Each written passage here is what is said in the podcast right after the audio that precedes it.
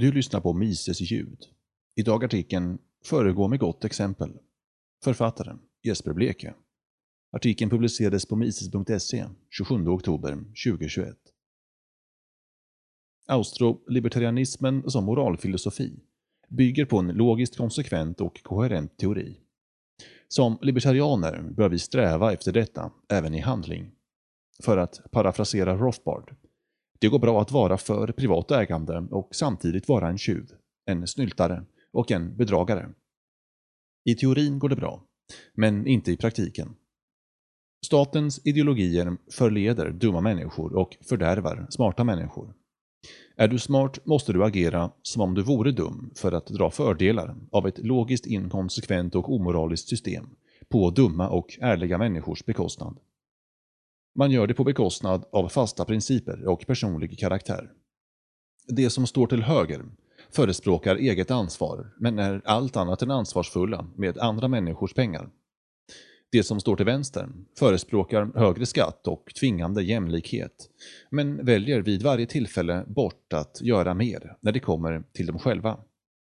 De förespråkar tvingande integration, men väljer frivillig segregation de förespråkar att betala skatt, men strävar själva efter att leva av skatt.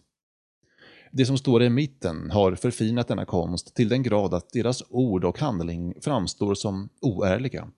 Inte bara mot andra, utan även mot dem själva.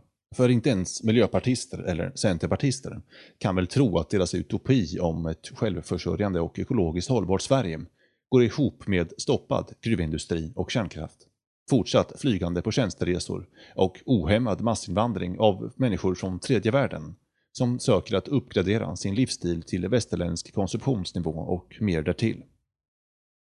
Vad man bör komma ihåg är att långt ifrån alla människor har tagit politisk ställning. En stor andel av befolkningen röstar inte i valen och en ännu större andel av befolkningen känner lågt förtroende för samtliga politiker. Man ser sig om efter ett vettigt val, men det finns inte. Detta är ett gyllene tillfälle för libertarianer att föregå med ett gott exempel. Man bör också komma ihåg att människor i regel inte baserar sina beslut på logik, på åratal av forskning, på noggrant jämförande av alternativ, på granskande av teori som konsekvent eller inkonsekvent. De flesta människor baserar de flesta beslut på andra faktorer och kämpar var dag med kognitiv dissonans. Det är en del av det mänskliga tillståndet.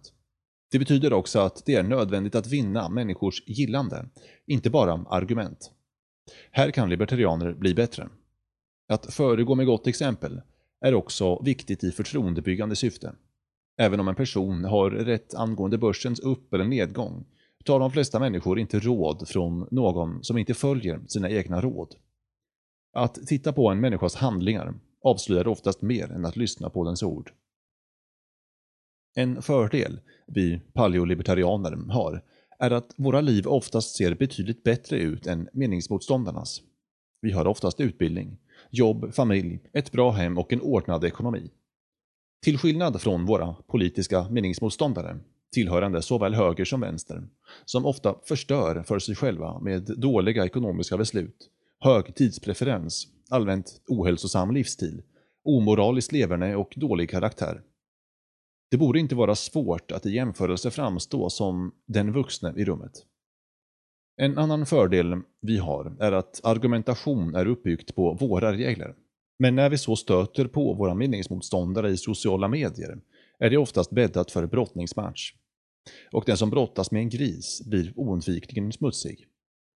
Kom då ihåg att sociala medier är en åskådarsport. Istället för en envig på liv och död bör varje ordväxling ses som en möjlighet att visa för samtliga åskådare era skillnader. Några bra verktyg att ha med sig är vad vi brukar kalla stoisk, lakonisk, sokratisk. Låt dig inte påverkas. Du är där för att påverka. Uttryck samma sak med färre ord och var rak i din kommunikation. Det gör att poängen går fram.